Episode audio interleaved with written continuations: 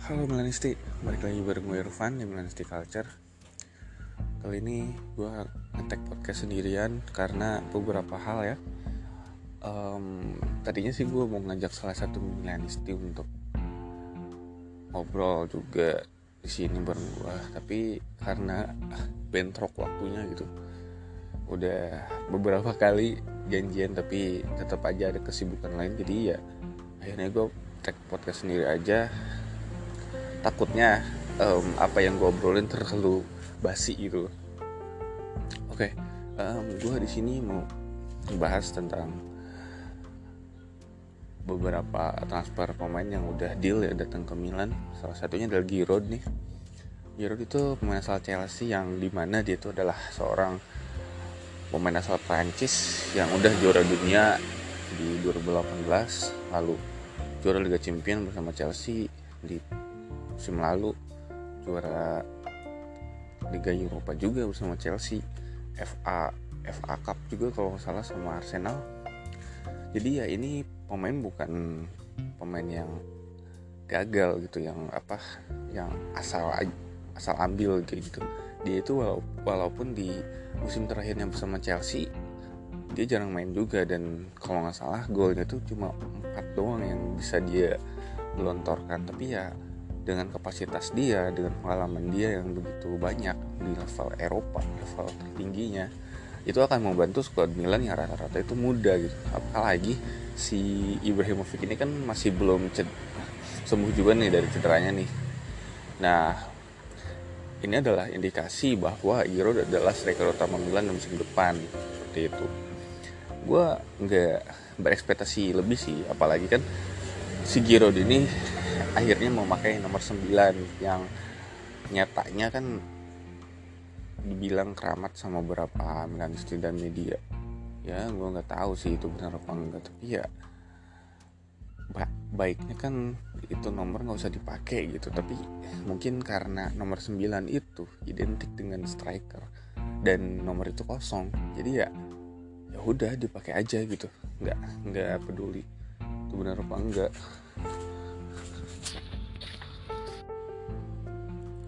Nah, oleh sebab itu ya menurut gua apalagi kan Manjukit musim lalu 11 kali main 0 gol gitu. Padahal dia nggak terlalu jelek-jelek amat gitu, tapi ya ada beberapa kesempatan di mana dia tuh bisa mencetak gol. Namun kondisinya dia kadang nggak diumpan sama pemain lain kadang ada penalti nggak dikasih ke dia gitu kadang keblok gitu kan. Eh emang ada aja gitu masalahnya. Bukan bukan berarti gue percaya sama mitos tapi ya maksudnya seenggaknya kalau emang statistik itu ada ya udah nggak usah dipakai gitu. Biasanya kan dia pakai nomor 18 nomor 12 di di tim lain gitu kan ya udah pakai nomor itu. Nomor 15 juga pernah kalau nggak salah. Tapi ya udah kita doakan yang terbaik aja gitu buat Giroud semoga apa yang kita khawatirkan itu ternyata salah. Dan kita doakan juga semoga Ibrahimovic lekas sembuh karena kita butuh banget peran dia di lapangan. Apalagi musim lalu aja dia jadi top skor Milan kan di semua kompetisi dengan total 17 gol kalau nggak salah. Itu pun dia jarang main gitu kan 17 gol. Ada pemain lain yang sering main kayak Leo, Rebic aja nggak nggak sampai segitu gol oke selanjutnya yang datang adalah Brahim Diaz di dipinjam kembali selama 2 tahun. Itu menurut gue ya sesuatu yang bagus apalagi kan dia hanya sebagai backup ya statusnya. Atau mungkin dijadiin starter di beberapa laga aja. Dia juga ngambil nomor 10 yang di mana musim lalu dipakai sama Hakan dan sebelumnya juga sama Honda.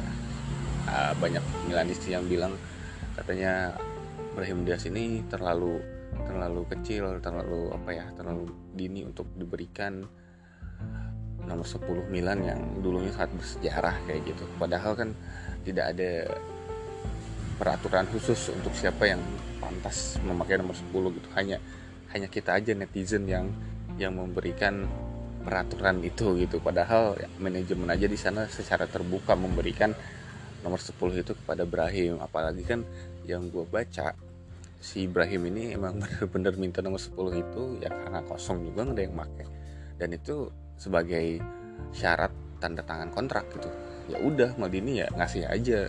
Apalagi kan maksudnya akan juga musim lalu nggak sesempurna itu gitu untuk untuk memakai nomor 10 banyak kekurangan yang juga banyak banyak hal yang belum dia bisa lakukan gitu untuk untuk mengangkat Milan sebagai nomor 10 kayak gitu.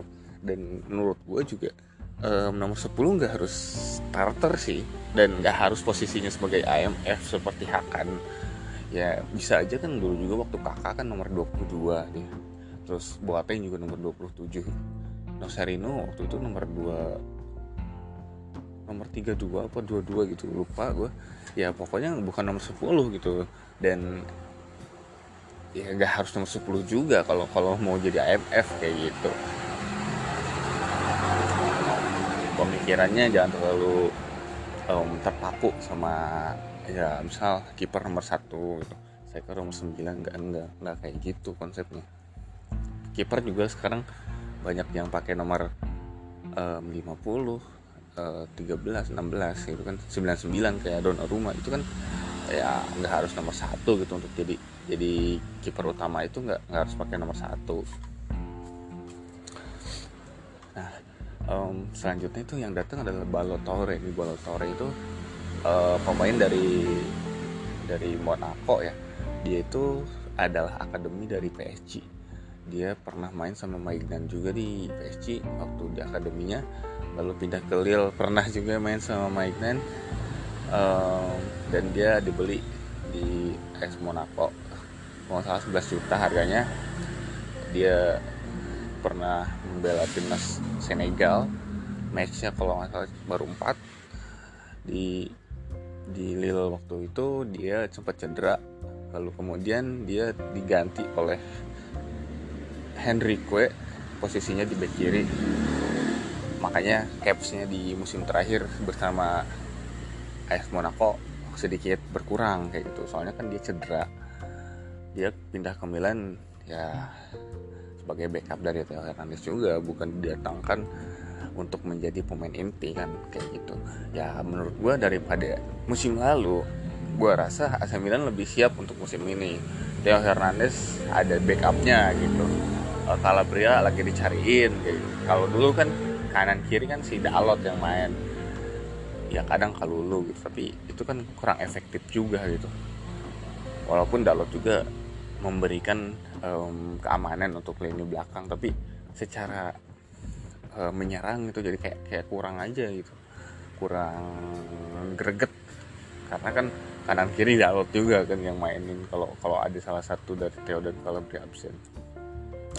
Ya cara mainnya bagus sih ngotot. Kayak kayak Theo Hernandez aja gitu sering maju. Tapi kan katanya si Balo ini dulunya adalah seorang winger. Makanya ketika dia dia bertahan itu defense-nya rada kurang. Ketika di Monaco juga dia sama pelatihnya sudah dibilangin kalau dia harus uh, mengupgrade sisi defense-nya karena sebetulnya dia itu adalah back bukan lagi winger kayak gitu. Kalau nggak salah yang yang bikin dia seorang uh, back sayap itu si itu Marcelo Bielsa. Dia yang dia yang memberikan uh, si Balo ini posisi baru gitu. Ya kita tahu lah Marcelo Bielsa itu pelatih yang bagus gitu yang bisa melihat potensi dari dari pemain-pemainnya gitu. Dia memiliki kelebihan. Bahkan si si uh, apa?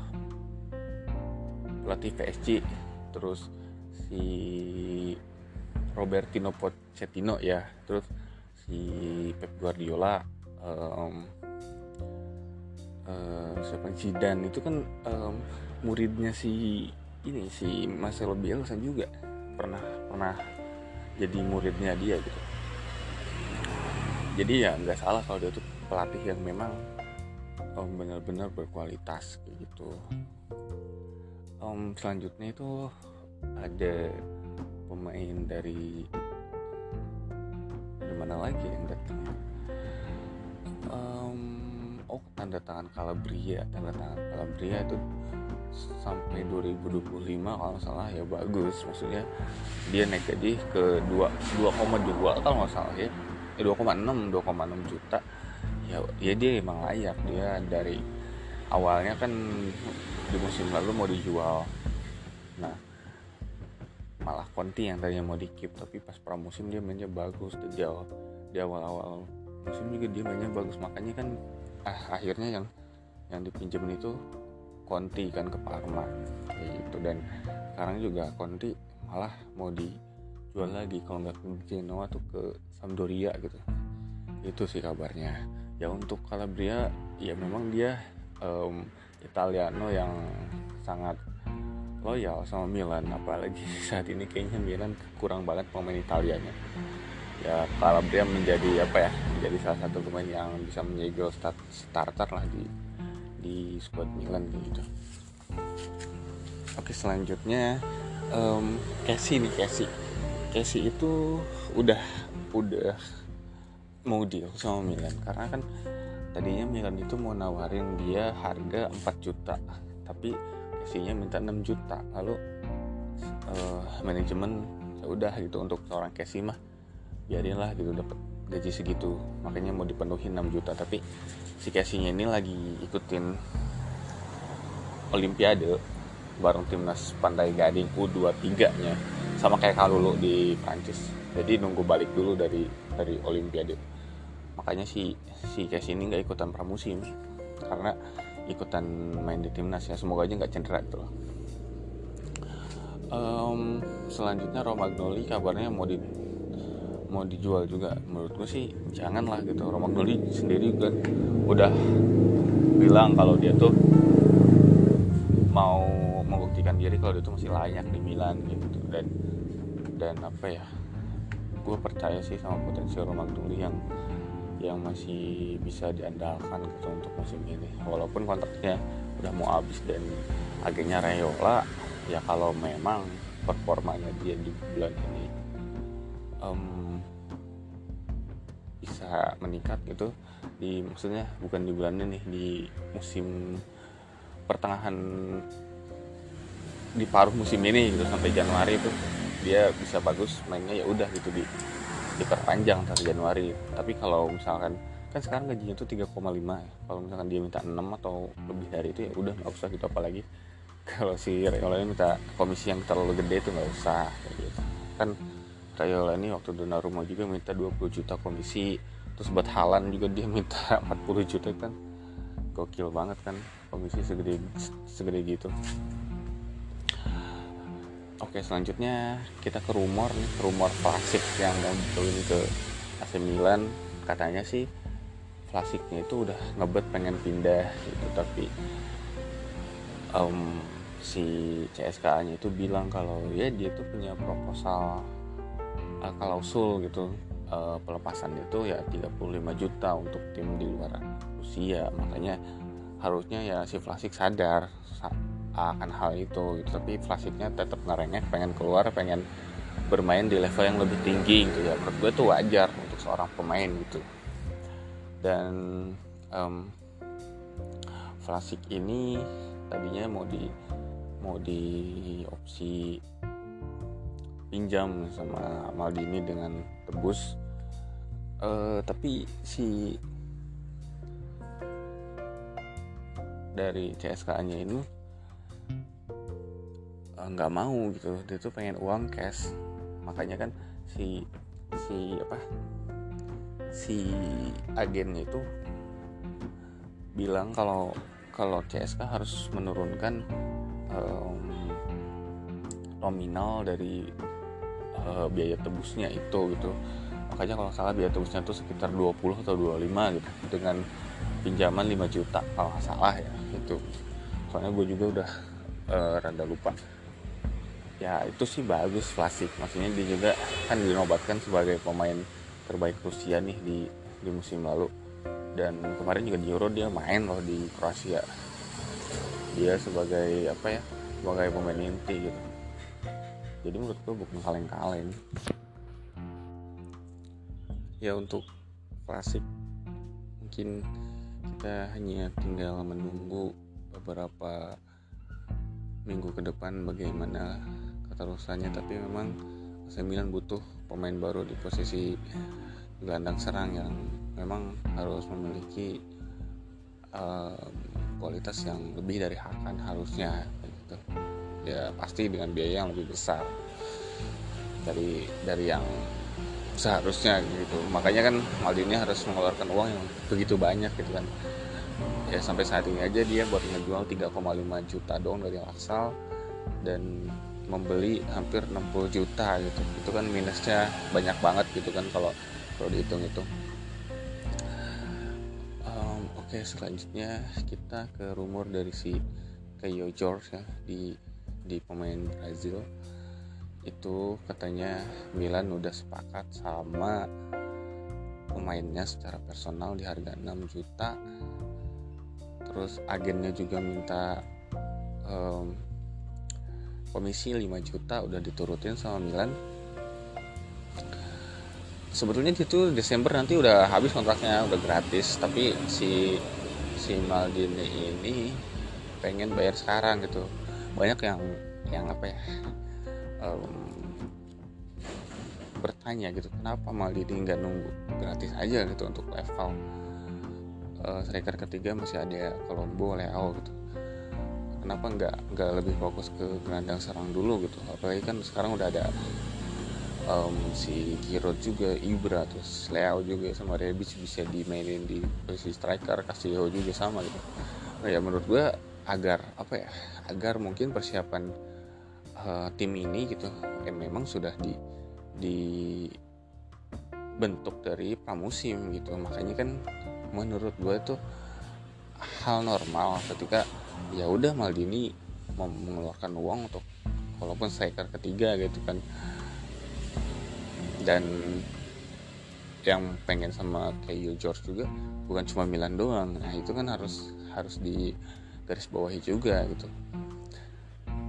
Ada beberapa tim yang mungkin juga kayak Juventus uh, Inter gitu Arsenal gitu. Nggak salah iya tapi Milan masih di posisi terdepan untuk mendapatkan si kayu George ini. Lalu selanjutnya ada Dalot ya atau Odriozola itu ya. Ya sama-sama opsi pinjam sih sama kedua tim itu. Ya tergantung tim mana yang lebih terbuka MU apa Real Madrid untuk meminjamkan mereka berdua gitu ya. Kita tunggu aja.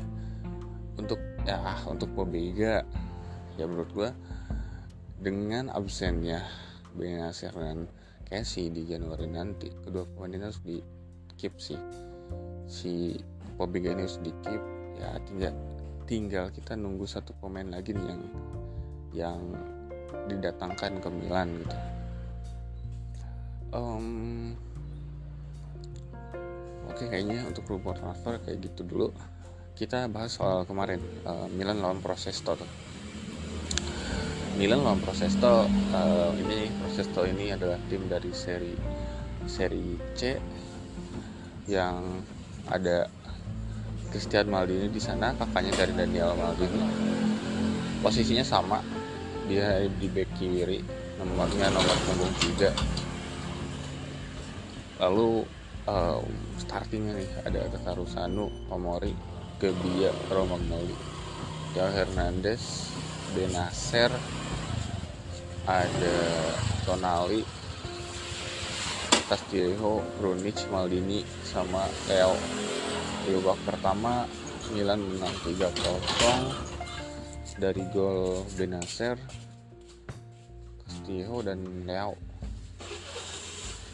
permainan babak pertama sih ya masih hati-hati gitu kan. Baru baru kumpul baru main lagi gitu kan. Ya nggak berekspektasi banyak sih. Tapi ya ngelihat lagi uji coba gitu. Pasti si si Samu Kasihari mainnya bagus bikin gol juga. Ya kemarin dia bikin gol bagus gitu. Si si Leo juga bikin gol bagus. Tapi pas pas match kan ya jarang gitu mereka bikin gol-gol kayak gitu. Daniel Maldini menurut gue ya mainnya ya cukup lumayan lah. Sebagai pemain yang statusnya primavera gitu.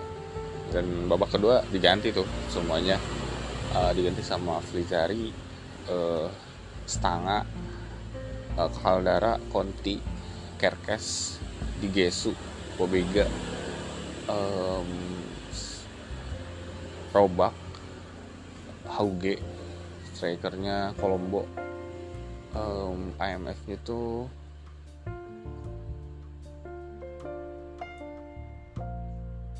Cap Cap Caputo atau siapa gitu punya lupa yang udah perpanjang kontrak nih semalam.